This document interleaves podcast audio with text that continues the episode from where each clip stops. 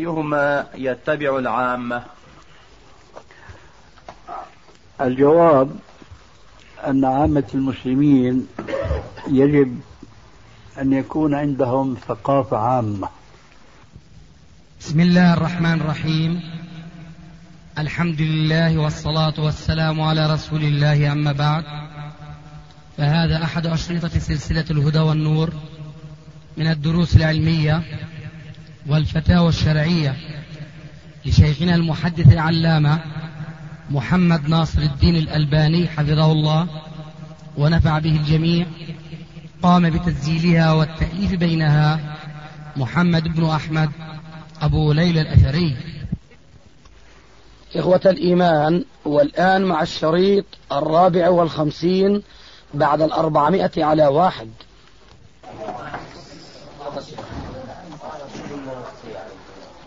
إن الحمد لله نحمده ونستعينه ونستغفره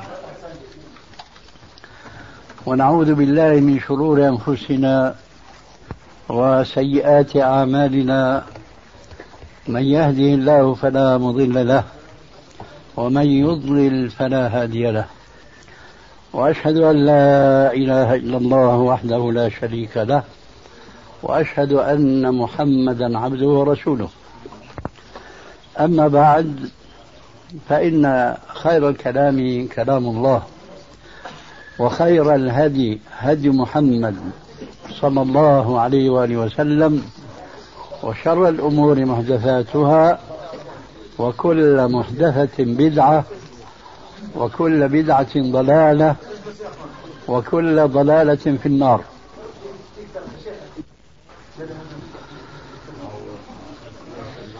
لا شك أن مشكلة الساعة هي هذه الفتنة التي يصدق فيها أنها دخلت كل بيت من بيوت المسلمين. وقبل أن ندلي برأينا فيها وقد تكرر البحث حولها مرارا وتكرارا. ولكن لابد مما لابد منه من على الأقل من إيجاز واختصار الكلام حول هذا الموضوع موضوع الساعة. ولكن لا بد لي بين يدي ذلك أن أتكلم عن مسألة فقهية أصولية طالما وقع في مخالفتها جماهير المسلمين قديما وحديثا وبخاصة في هذه الفتنة. هذه المقدمة هي أنه لا يجوز للمسلم الذي يخشى الله عز وجل ويتقيه أن يتكلم في مسألة شرعية في التحريم أو في التحليل بلها في التكفير والتضليل إلا على بينة من الله ورسوله. لقوله تبارك وتعالى في كتابه ولا تقف ما ليس لك به علم. إن السمع والبصر والفؤاد كل أولئك كان عنه مسؤولا. ومعلوم من علم أصول الفقه أن المسائل الشرعية تدور على أصول أربعة. مقطوع بها عند أهل السنة والجماعة حقا ألا وهي الكتاب والسنة والسنة الصحيحة. وليس كل ما يروى عن رسول الله صلى الله عليه وآله وسلم بصحيح ولذلك نقول في الأصل الثاني السنة الصحيحة. ثم الإجماع علما أنه ليس كل إجماع يدعى يكون إجماعا صحيحا واقعا. الإجماع الذي هو حجة هو ما يساوي قول بعض أهل العلم ما كان معلوما من الدين بالضرورة. فهذا هو الدليل أو المرجع الثالث والمصدر الثالث من المصادر الأربعة. رابعها وآخرها القياس. والقياس منه ما هو جلي ومنه ما هو خفي. وإذا عرفنا أن أدق هذه المراجع أو هذه الأصول الأربعة هي القياس وعرفنا أن منه ما يكون خفيا أي لا يظهر لكل أهل العلم فضلا عن غيرهم. حينئذ نأخذ من هذه المقدمة النتيجة التالية. ألا وهي أنه لا يجوز للمسلم حتى ولو كان طالب علم أن يقول أنا أرى كذا. إلا إذا كان لديه نص صريح من كتاب الله ومن سنة رسول الله صلى الله عليه وسلم الصحيحة كما قلنا فهنا من الممكن لطالب العلم القوي أن يقول أنا أعتقد أو أرى كذا وكذا بناء على قول الله تبارك وتعالى كذا أو قول رسول الله صلى الله عليه وسلم ويذكره. أما أن يدعي أو يتبنى رأيا له في مسألة ليس عليها نص صريح من كتاب الله. أو من سنة رسول الله صلى الله عليه وسلم الصحيحة وإنما هناك يمكن أن يكون إجماع أو أن يكون هناك قياس فاللجؤ والاعتماد على هذين المصدرين إنما هو من شأن أهل العلم المتخصصين.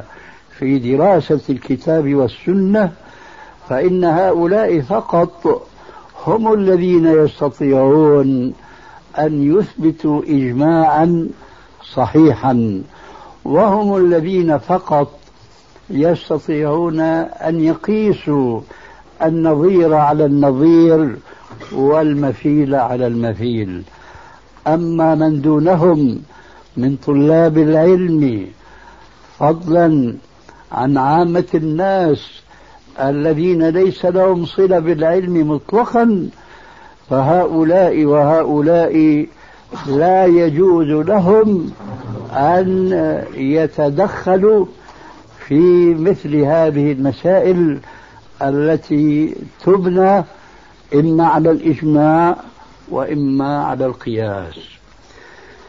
إذا عرفنا هذه المقدمة وهي مقدمة لا يمكن أن يناقش فيها أحد من أهل العلم لأنها قضية مسلمة لا نزاع فيها.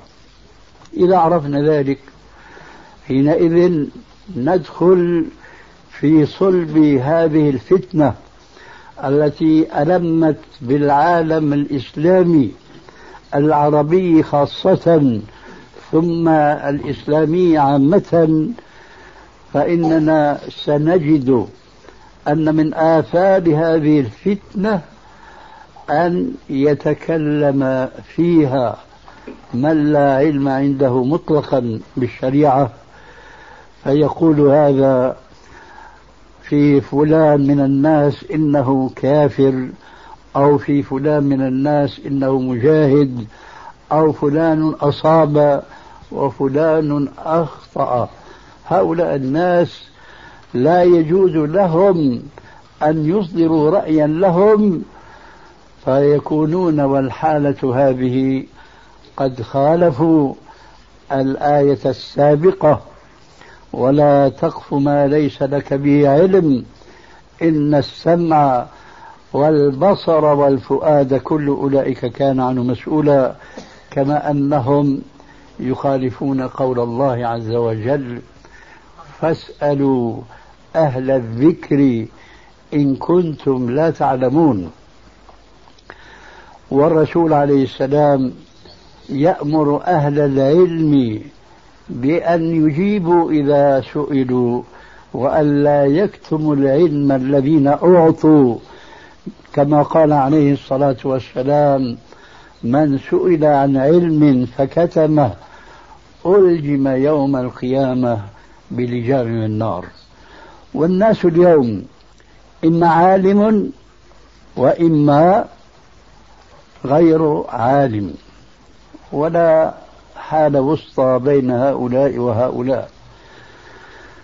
وربنا عز وجل قد أوضح السبيل لكل من الطائفتين في قوله عز وجل فاسألوا أهل الذكر إن كنتم لا تعلمون.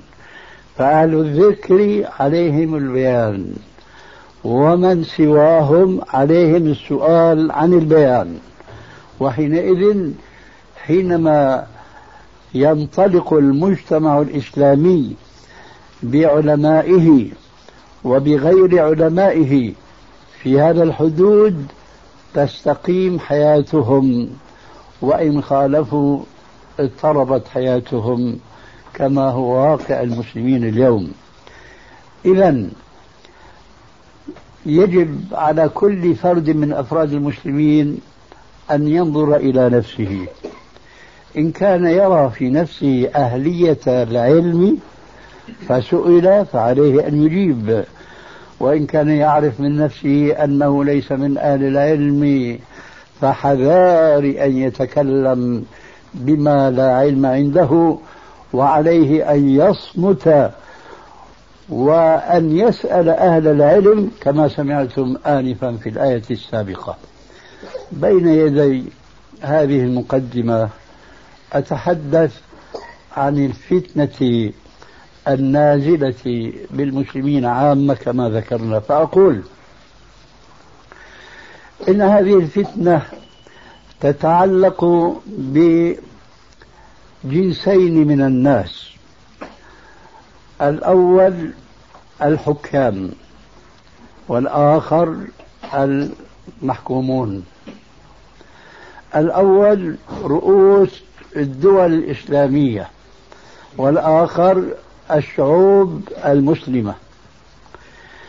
ثم نقول أو نعود إلى القسم الأول ألا وهم الحكام. فنقول هؤلاء طائفتان بالنسبة للفتنة القائمة الآن. كلهم عليه مسؤولية شرعية. لا أحد منهم ينجو منها إلا إن افترض أنه تاب إلى الله عز وجل وأناب ولكن والحالة هذه لا بد من أن تظهر آثار هذه التوبة عمليا وليس قوليا. بعض هؤلاء الحكام ظهر اعتداؤهم شرعا على دولة مجاورة لهم واجتاحوها كما يقال في ليلة لا قمر فيها. وهذا حكم مخالف للشرع واضح لا يقبل جدلا من أهل العلم. أما عامة الناس فقد قلنا ما يجب أن نقول في حقهم وهو أنهم لا يجوز لهم أن يتكلموا لأنهم لا علم عندهم. ربنا عز وجل يقول في محكم كتابه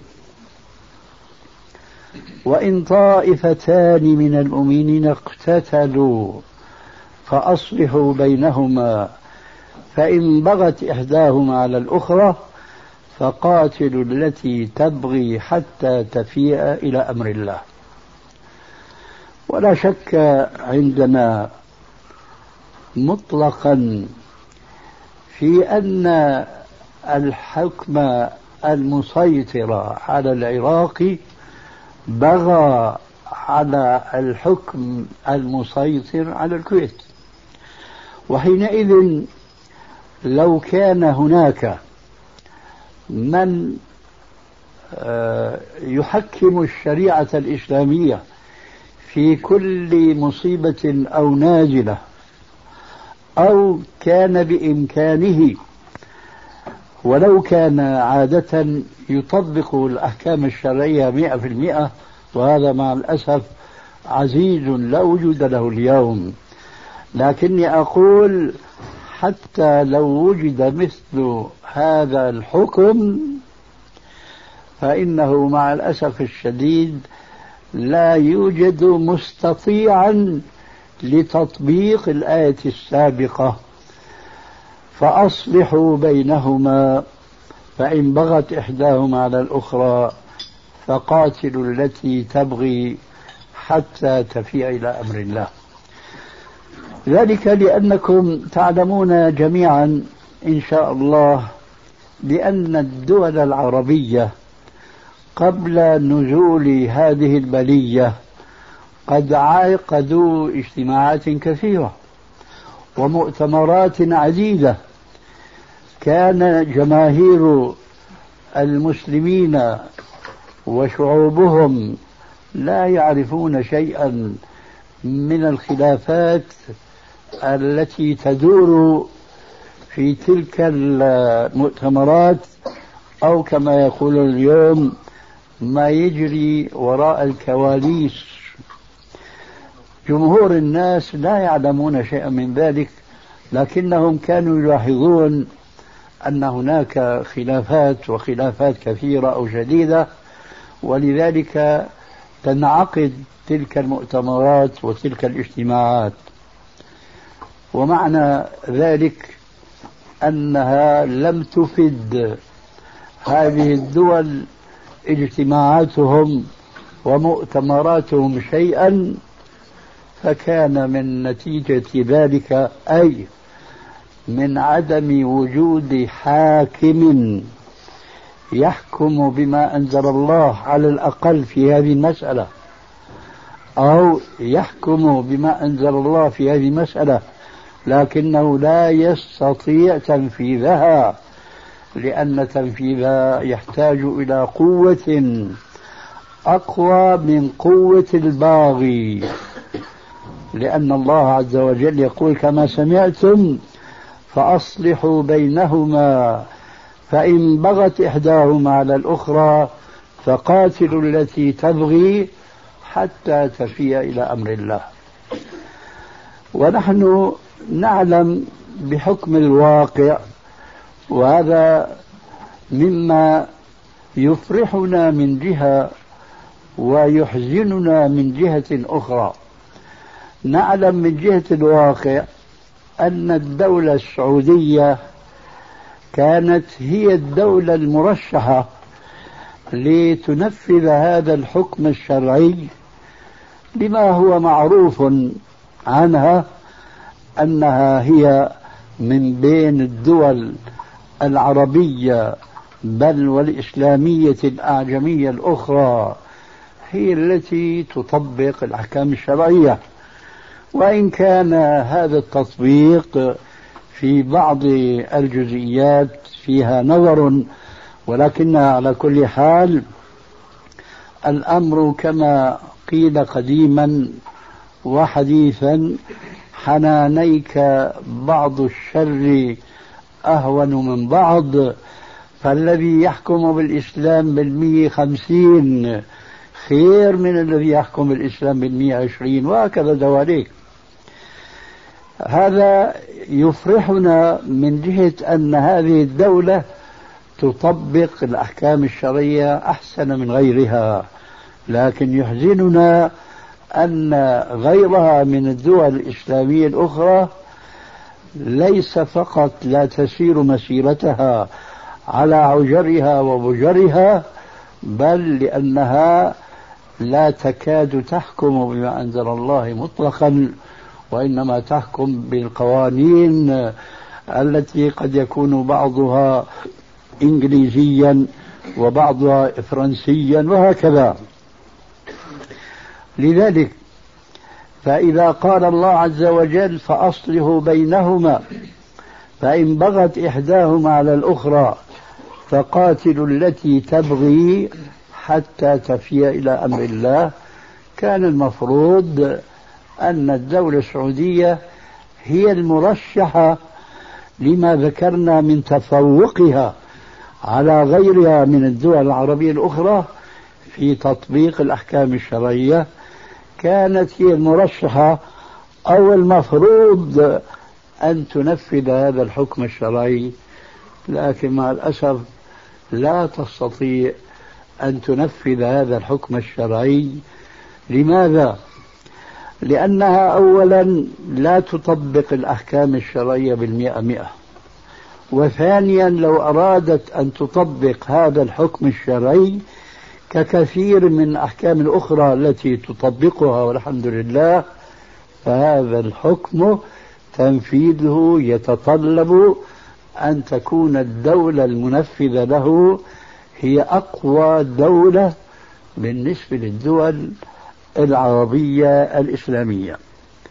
لكننا نحن مع الأسف الشديد لم نجد هذه القوة في هذه الدولة التي هي خير من غيرها من الدول العربية من حيث تمسكها بتنفيذ الأحكام الشرعية لأنها ضعيفة من حيث قوتها المادية بالنسبة للدولة الباغية.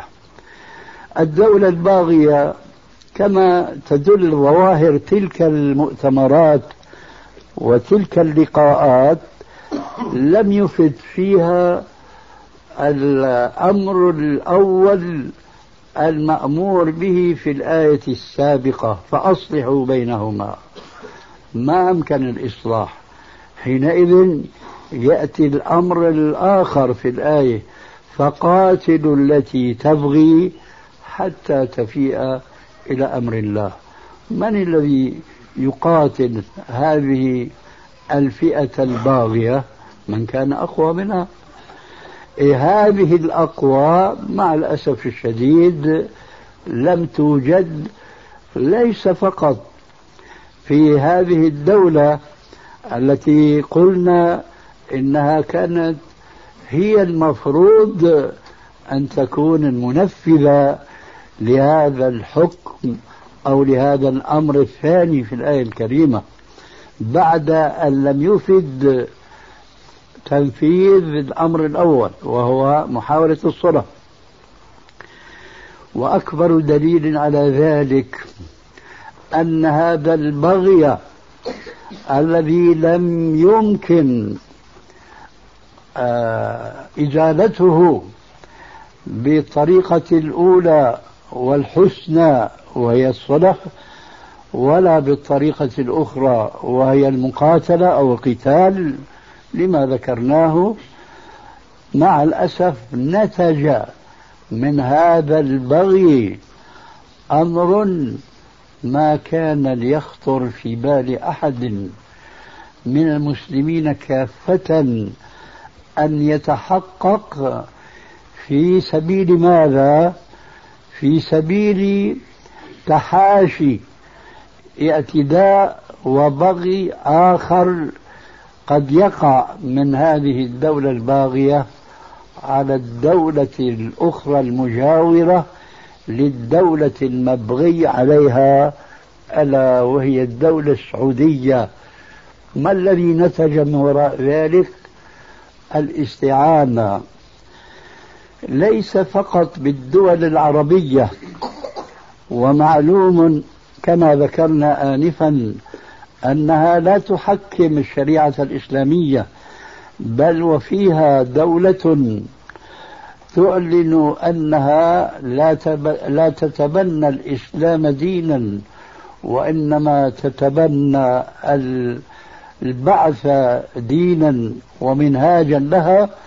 ألا وهي الدولة السورية فاستعانت الدولة السعودية الشرعية بهذه الدول وفيها الدولة السعودية السورية وهي دولة بعثية معروفة ومعروفة أنها كانت دائما تتحدث عن الأمبريالية وعن الأمريكان واليهودية ونحو ذلك وإذا هي أخيرا تنضم إلى الجيش الأمريكي والجيش البريطاني الذي أو اللذين استعانت بهما الدولة السعودية.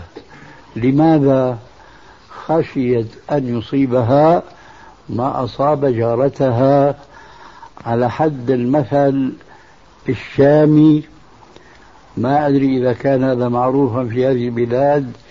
إذا حلق جارك بالأنت إذا حرق جار حلق جارك بالأنت فخشيت الدولة السعودية أن يصيبها ما أصاب الكويت من الدولة العراقية. كيف حلت المشكلة ودفعت الخوف عنها من وقوع اعتداء جديد عليها؟ استعانت بالكفار.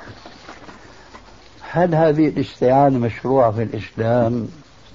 علما بأن طلاب العلم فضلا عن أهل العلم والمبرزين في المجال العلمي يعلمون جميعا أن هناك قاعدة شرعية لم يضعها الفقهاء على الأقل بعضهم فإن القواعد الفقهية مع الأسف مع أنها قواعد أصولية فهي في كثير من الأحيان تختلف من مذهب إلى آخر. فالأصول التي يرجعون إليها في تطبيق الفروع قد يختلف مذهب عن آخر. فالقاعدة التي يعلمها كما قلت آنفا حتى طلاب العلم يعلمون أنها ليست قاعدة. وضعها بعض العلماء الأصوليين وإنما هي قاعدة. وضعها رسول الله صلى الله عليه وآله وسلم الموصوف بحق في قوله تعالى وما ينطق عن الهوى عن الهوى إن هو إلا وحي يوحى. ذلك محمد رسول الله صلى الله عليه وآله وسلم الذي قال مقعدا ومؤصلا لتلك القاعدة والأصل ألا وهو قوله صلى الله عليه وآله وسلم إنا لا نستعين بمشرك. إنا لا نستعين بالمشرك. قاعدة. وضعها رسول الله صلى الله عليه وسلم وجعلها شريعة مستمرة إلى يوم القيامة. وفي لفظ آخر وهذا اللفظ الأول أخرجه الإمام مسلم في صحيحه. في لفظ آخر أخرجه أبو عبد الله الحاكم في كتاب معروف بالمستدرك بلفظ إنا لا نستعين بالمشركين على المشركين. إنا لا نستعين بالمشركين على المشركين. فهذه قاعدة لا يجوز لدولة مسلمة إذا كانت تحكم بما أنزل الله. أما إذا كانت قد تجردت وكفرت بما أنزل الله فليس بعد الكفر ذنب وليست الدولة السعودية كذلك لأنها لا تزال في كثير إن لم أقل في أكثر أحكامها تصدر عن كتاب ربها وسنة نبيها صلى الله عليه وسلم أما ها هنا فقد خرجت عن هذه القاعدة التي وضعها رسول الله صلى الله عليه وآله وسلم كما شرحنا. إذا عرفنا هذه الحقيقة فهنا مخالفة إنا لا نستعين بالمشركين على المشركين. إنا لا نستعين بالمشركين على المشركين. فهذه قاعدة لا يجوز لدولة مسلمة إذا كانت تحكم بما أنزل الله. أما إذا كانت قد تجردت وكفرت بما أنزل الله فليس بعد الكفر ذنب وليست الدولة السعودية كذلك لأنها لا تزال في كثير إن لم أقل في أكثر أحكامها تصدر عن كتاب ربها وسنة نبيها صلى الله عليه وآله وسلم. أما ها هنا فقد خرجت عن هذه القاعدة التي وضعها رسول الله صلى الله عليه وآله وسلم كما شرحنا.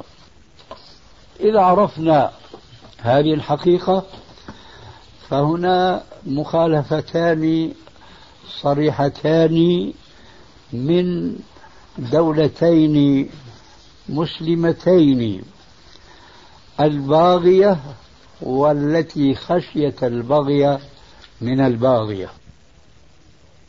ببغيها على جارتها والأخرى باستعانتها بأعداء الأمة الإسلامية كلها ألا وهم الأمريكان والبريطان وغيرهم من الدول الصليبية الأخرى وهي معلومة لديكم. ومن عجب أن يكون أو أن تكون الاستعانة المذكورة هي ببعض الدول التي عرف موقفها تجاه المسلمين أنها ضدهم ومؤيدة لموقف اليهود في احتلالهم لفلسطين سواء كان البريطانيين اولا ثم الأمريكيين ثانيا فهؤلاء كلهم مما تمالأوا في تأييد سيطرة اليهود على فلسطين ضد المسلمين جميعا. لو كان يمكن أن تخالف هذه القاعدة النبوية إلا لا, لا إنا لا نستعين بالمشرك لو كان يمكن أن تخالف هذه القاعدة النبوية بالاستعانة ببعض المشركين لكان ذلك بمشركين لم يعرف تاريخهم الأسود في انحيازهم للمستعمرين اليهود على المسلمين. كان يمكن أن يكون هذا مع شيء من التحفظ لأن مخالفة القاعدة النبوية لا يجوز إلا في ظرف خاص لا يستطيع أن يلم به إلا أولو, أولو الأمر الذي يجمع الأمراء والعلماء. ولكني أقول كلمة ربما لم يسبق في كل ما جرى مني من حديث حول هذه المسألة. إن كان يجوز الاستعانة بهؤلاء الكفار الصليبيين وإدخالهم إلى البلاد الإسلامية التي تعتبر ملجأ البلاد الإسلامية الأخرى كلها. إن كان يجوز الاستعانة بهؤلاء المشركين وإدخالهم إلى بلاد المسلمين فما هو الموضع الذي لا يجوز الاستعانة بالمشركين. إذا كان الاستعانة بالمشركين وصل بحكم الضرورة التي نسمعها أحيانا من بعضهم استجازوا بها زعموا أن يدخلوا الكفار إلى بلاد الإسلام فإذا هذا معناه تعطيل القاعدة النبوية لأنني لا أتصور استعانة أخرى بالكفار يمكن أن تكون أخطر من هذه الاستعانة. إذا إلى هنا ننتهي عن الكلام فيما يتعلق بالحكومات ويبقى الكلام الذي يتعلق بشعوب أو أفراد الشعوب من المسلمين. ولكن قبل ذلك أريد أن ألفت النظر إلى شيء ينبغي أن ننبه له أن الإسلام يعطي للأسباب حكم الغايات. فمن أمر بقتل نفس مؤمنة بغير حق فحكمه حكم الذي باشر القتل بيده. هناك آمر بقتل رجل مسلم ومأمور بهذا القتل وهذا المأمور نفذ القتل. فالآمر حكمه حكم هذا القاتل الذي باشر القتل لأنه أمر بما حرم الله عز وجل. أريد من هذا المثال والأمثلة كثيرة وكثيرة جدا. أن الوسائل التي تؤدي إلى غايات محرمة فهذه الوسائل أيضا هي محرمة. كما أن الوسائل التي تؤدي إلى غايات مشروعة فهي أيضا وسائل مشروعة. على خلاف القاعدة الأوروبية الكافرة الصليبية التي تقول الغاية تبرر الوسيلة. الغاية تبرر الوسيلة. أي الغاية التي يرونها هي من صالحهم تبرر لهم الوسيلة مهما كانت مؤدية إلى غاية غير مشروعة. ومع الأسف الشديد إن بعض الأحزاب الإسلامية تتبنى هذه القاعدة الكافرة الغاية تبرر الوسيلة من حيث يدرون أو لا يدرون من حيث يشعرون أو لا يشعرون. أعني إنهم يجوزون لأنفسهم أن يتبنوا من الوسائل والأسباب ما يعلمون أنها ليست أسبابا مشروعة لكنها بزعمهم تؤدي إلى غاية مشروعة. الوسائل والأسباب كالغايات يجب أن تكون مشروعة ولا يجوز أن تكون مخالفة للشرع. الغرض أن أذكر الآن أنه كان من نتيجة ذاك البغي وألمحت إلى هذا ولكنني أذكر مرة أخرى كان من نتيجة ذلك البغي الذي لو افترضنا أنه لم يقع لم تقع هذه الفتنة الكبرى وهي جلب الكفار الصليبيين إلى بلاد الإسلام لا أقول بأبخس ثمن بل دون ثمن بل وبثمن يدفعه المستعينون بهؤلاء الكفار وهذا من أسوأ ما وقع في التاريخ الإسلامي حسب علمي. وهنا أذكر بمثل عربي قديم لكن لا أريد منه إلا التذكير بهذا المثل. ولا أريد منه أن نبرر أو أن نسوغ هذه الاستعانة فقد عرفتم أنها مخالفة لصريح القاعدة النبوية كما ذكرنا. هذا المثل العربي يقول قال الحائط للوتد لم تشقني؟ قال سل من يدقني. قال الحائط للوتد لم تشقني؟ قال سل من يدقني. أقول أن هذا لسان الدولة السعودية لكن هذا ليس عذرا له. أي أنني استعنت بهؤلاء الكفار والذين مع الأسف يسمونهم بالأصدقاء. حينما يتحدثون أننا استعنا بالدول العربية الإسلامية وبالأصدقاء من دول أخرى. كيف يكون هؤلاء أصدقاء؟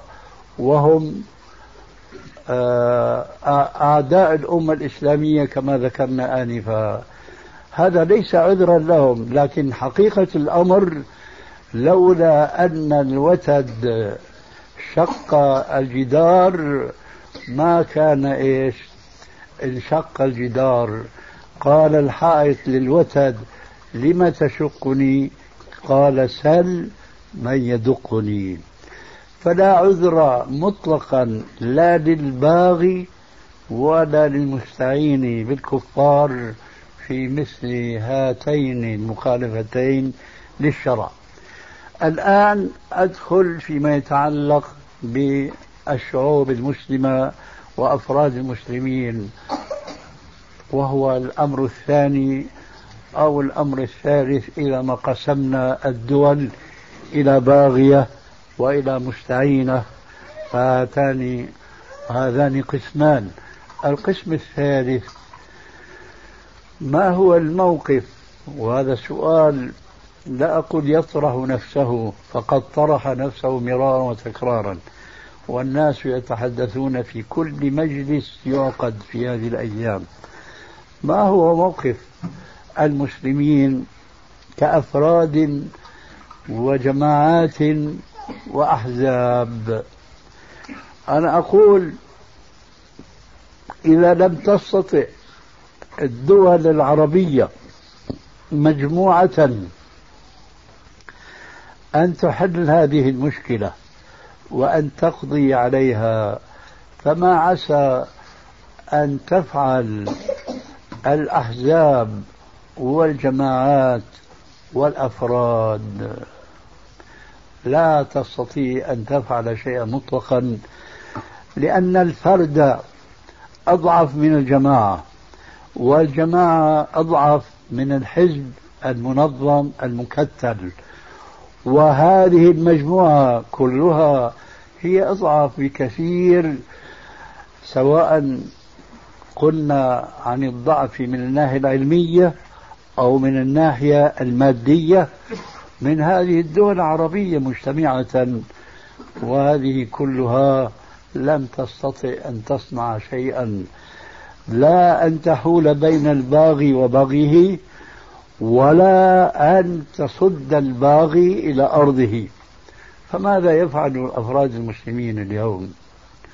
لذلك نحن نذكر عامة المسلمين بواجبهم في أوقات الفتن وهذه الفتنة أنا شخصيا لا أعلم نظيرها وقع في العالم الإسلامي. وإذا كان النبي صلى الله عليه وسلم يقول في كثير من الأحاديث الصحيحة إن بين يدي الساعة فتنا كقطع الليل المظلم يصبح الرجل فيها مؤمنا ويمسي كافرا ويمسي كافرا ويصبح مؤمنا. في بعضها في بعض هذه الأحاديث يبيع أحدهم دينه بعرض من الدنيا قليل وفي بعض آخر فإذا أدركتم ذلك أو كما قال عليه الصلاة والسلام قال فكونوا أحلاس بيوتكم. فكونوا أحلاس بيوتكم. أي إلزموا بيوتكم ولا تتدخلوا في مثل هذه الفتن لأنكم لا تستطيعون أن تصلحوا لأن الدول التي هي أقوى منكم كما ذكرنا لم تستطع أن تصلح ولا أنتم يا معشر الأفراد من الشعوب أو الجماعات أو الأحزاب لن تستطيعوا أن تقاتلوا والدول كلها لم تستطع أن تقاتل. إذا صدق رسول الله صلى الله عليه وآله وسلم حين قال كونوا أحلاس بيوتكم. هذا ختام ما أردت أن أقوله بهذه المناسبة. ولكني أيضا أريد أن ألفت النظر إلى بعض الظواهر التي نلمسها الآن مما يذكرنا ببعض الفقرات التي جاءت في بعض تلك الأحاديث منها قوله عليه الصلاة والسلام أن الناس في زمن الفتن لهم عقول لكنها كالهباء كالهباء يحسبون أو يحسب أكثرهم أنهم على شيء وليسوا على شيء. وإذا كانت هذه الفتنة بها المثابة في الضخامة والخطورة ولم يلتزم المسلم بيته وداره. فمتى يلتزم داره؟ نحن نعلم أنه وقع في التاريخ الأول خلاف بين المسلمين. لم يتدخل الكافر الصليبي الذي أمر المسلمون بمقاتلته. وبأن يدعوا إلى واحدة من ثلاث إما الإسلام وإما الجزية وإما أن يدفعوا وإما القتل أن يدفعوا الجزية عن يدهم وهم صاغرون وإما الحرب. لم يتدخل في ذلك الخلاف الذي وقع في الإسلام الأول أعني ما بين علي ومعاوية رضي الله عنهما لم يتدخل الكافر بين الفريقين بل كان يحسب حسابهما ويخشى سطوتهما ومع ذلك فقد انحاز كثير من الصحابة عن الطائفتين ولم ينضموا إلى إحداهما لماذا؟ لأنه كان ستراق وفعلا أريقت دماء كثير من المسلمين من بين الطائفتين المتقاتلتين. فكان بعض أصحاب النبي صلى الله عليه وسلم اعتزلوهما لأنها فتنة. المسلم يقاتل أخاه المسلم في أمر فيه فيه شبهة. فيه دقة. هذا خليفة المسلمين وهو علي بن أبي طالب. لم يبايعه معاوية وهو في دمشق الشام. لكنه يحتج بأنه يطالب بقتل الذين قتلوا الخليفة الراشد عثمان بن عفان رضي الله عنه. إذا لكل من المتقاتلين وجهة نظر وإن كنا نحن اليوم بعد أن تمكنا من دراسة التاريخ الإسلامي وهذا الخلاف الذي وقع قديما الآن نستطيع أن نقول بكل صراحة وبكل جرأة أن عليا كان الحق معه وأن معاوية كان باغيا مع أنه مسلم ومع أنه صحابي لكن كيف عرفنا هذا؟ وهل يمكن الآن أن نعرف هذا الخلاف الناشب بين الدول العربية وهو أدق بكثير من ذاك الخلاف الذي تبين الحق لنا بعد دراستنا لأسباب الخلاف؟ وعرفنا أن أحد الصحابة الذين انمازوا وانحازوا عن كل من الطائفتين انضم أخيرا إلى جيش علي حينما رأى نبوءة من نبوءات الرسول صلى الله عليه وسلم ألا وهو قوله عليه الصلاة والسلام ويح عمار تقتله الفئة الباغية. فلما قتل عمار رضي الله عنه وكان في جيش علي حينئذ انضم بعض الصحابة من الذين سمعوا هذا الحديث من فم الرسول عليه السلام كان من قبل لا مع هؤلاء ولا مع هؤلاء لما ذكرت آنفا من أنه في هناك شبهة أو لا يريد أن يقاتل مسلمين من أجل أن هذا المسلم يرى أن أولئك على خطأ. لكن لما تبين له من المعصوم شهادة لا يأتيها الباطل من بين يديه ولا من خلفها ويح عمار تقتله الفئة الباغية انضم إلى علي. هل نحن معشر أفراد المسلمين اليوم نستطيع أن نقول إننا يجب أن نكون مع هؤلاء؟ أو مع هؤلاء أن نكون مع هؤلاء على هؤلاء أو مع هؤلاء على أولئك. أين الدليل في هذا علما؟ بعد أن شرحنا لكم أن كل منهما مخالف للشرع وليس الأمر كما كان في عهد علي. الحق كان مع علي ومعاوية كان هو الباغي. مع ذلك مع الفارق الواضح الكبير بين تلك الفتنة وبين هذه الفتنة. الفارق الكبير من جهة أن هناك الفتنة كانت بين طائفتين مسلمتين. أما الآن فالفتنة أولا بين طائفتين مسلمتين. زايد أن مع إحدى الطائفتين دول مشركة كافرة صليبية وهي أيدت اليهود على المسلمين فالمشكلة هنا أكبر وأكبر. لذلك لا يستطيع المسلم في هذه الظروف الحرجة إلا أن يتمسك بقوله عليه السلام بل وأن يعض عليه بالنواجذ كونوا أحلاس بيوتكم.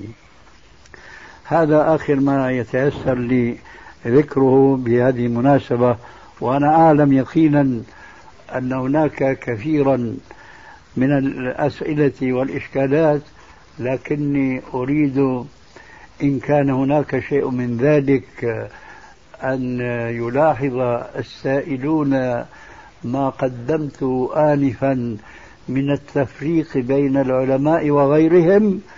ألا يحكم أحدهم برأي وباجتهاد من عنده وهو ليس من أهل العلم والاجتهاد. إن في ذلك لذكرى لمن كان له قلب أو ألقى السمع وهو شهيد. نعم. السائل يقول الرجاء التفريق بين الواقع في الخليج وأفغانستان حيث أنكم قلتم أن أفغانستان جهاد ونية والخليج فتن. نعم. إيه، هل يقول السائل المسكين أن حينما بدأ الجهاد في أفغانستان كان هناك فتنة أم كان جهادا؟ هذا السؤال تكرر مع الأسف من كثير من الناس فهم لا يفرقون بين الناس من إخواننا الأفغانيين والذين جاهدوا عشر سنين في سبيل القضاء على الحكم الشيوعي في بلادهم. وإن أصابتهم وكسة أو نكسة مع الأسف في آخر هذه السنين ونرجو أن يكون أمرا عارضا. لا يفرق هذا السائل وأمثاله بين واقع هؤلاء الذين ابتدأوا الجهاد في سبيل الله صدما للحزب الشيوعي الذي يتبناه الشيوعيون هناك. سواء كانوا من السوفيات قديما أو من أذنابهم حديثا. لا يفرقون بين هذا الجهاد وبين الفتنة القائمة اليوم وليس هناك جهاد.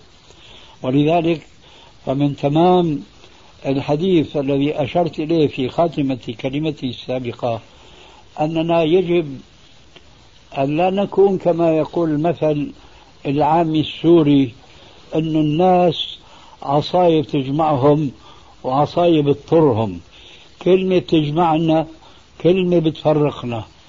من عهد قريب كان يوجد بعض الناس الذين يتظاهرون بأنهم دعاة إسلاميون أو يتظاهرون بأنهم دعاة إسلاميين. كانوا يكفرون حزب البعث ومن يكون على رأسه.